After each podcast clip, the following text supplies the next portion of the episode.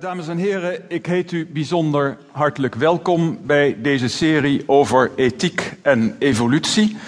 Het is een thema wat om allerlei redenen in de belangstelling staat. Niet alleen omdat er nu mensen zijn die oude theorieën over de rechtvaardiging van de moraal weer actueel maken, zoals de godsgebodtheorie, die ik zal behandelen, maar ook omdat er in het biologisch onderzoek heel veel over het thema ethiek en evolutie te doen is. Antropologen houden zich mee bezig. Wiskundigen, met name speltheoretici, bestuderen het onderwerp. En dan zijn er natuurlijk ook filosofen zoals ik die naar kijken. Dus het onderwerp heeft een zeer groot aantal dimensies. Historisch, filosofisch, biologisch, speltheoretisch, cultuurhistorisch, antropologisch. En de bedoeling van deze serie is dat ik u een multidisciplinaire benadering geef. Dat ik al deze verschillende visies op de problematiek aan de orde laat komen. De hele serie zal ik enigszins historisch opzetten. En dat betekent dat het volgende college zal gaan over de visie van Darwin over de ethiek. Als u The Descent of Man zou willen lezen van Darwin, dan bent u vast een beetje voorbereid. Schitterend boek. Maar wat ik zou willen behandelen is daarop een voorbereiding, zoals gezegd. En ik zal drie visies op ethiek behandelen die in de 19e eeuw populair waren en die onderling als het ware om voorrang streden in de 19e eeuw. Ze zijn actueel, want zoals gezegd, er zijn nog steeds mensen die een godsgebodtheorie aanhangen. Er zijn ook nog steeds mensen die het utilisme aanhangen, wat ik zal behandelen. Eh, met name iemand als Peter Singer, beroemde ethicus die in Princeton werkt, hangt het utilisme aan. En dan zijn er ook nog steeds allerlei filosofen en anderen die Kantiaanse visies op de ethiek aanhangen. En ook die visie zal ik behandelen.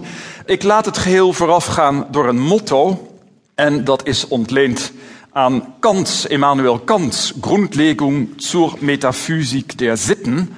Kant zegt ergens in dat boek, es ist nun kein Wunder, wenn wir auf alle bisherige Bemühungen, die jemals unternommen wurden, um das Prinzip der Sittlichkeit ausfindig zu machen, zurücksehen, warum sie insgesamt haben fehlschlagen müssen. Dus Kant heeft het in dit citaat over pogingen van de mensheid of van filosofen of geleerden om het principe van de zedelijkheid, het beginsel van de moraal te achterhalen.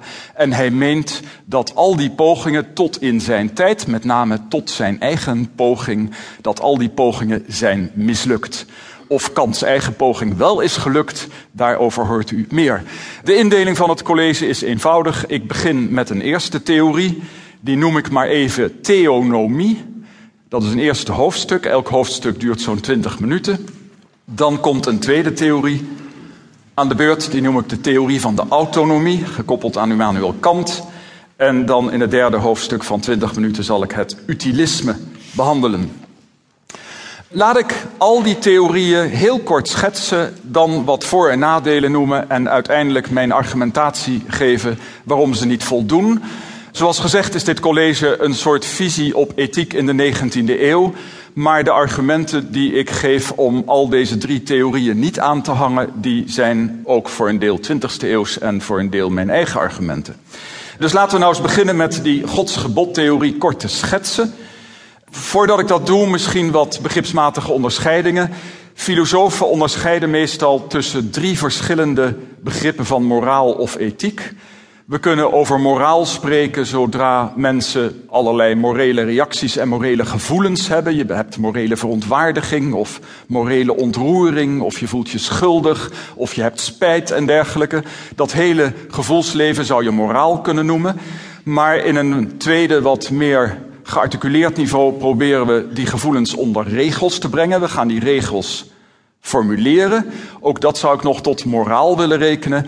Wat filosofen vaak doen, is proberen die regels ook te systematiseren. Kunnen we nou niet een systeem in die ethiek brengen? En dat noem ik dan liever ethiek. Dus moraal is het niet gesystematiseerd niveau. Ethiek is een gesystematiseerd niveau. En de filosoof heeft het dan ook nog wel eens over meta-ethiek. En dat zijn alle visies over ethiek. Bijvoorbeeld, zijn morele uitspraken waar of onwaar? Of zijn het eerder gewoon gevoelsuitingen?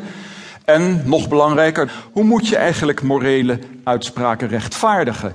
Stelt u bijvoorbeeld voor, en dat is een voorbeeld wat Kant behandelt in zijn kritiek der praktijk.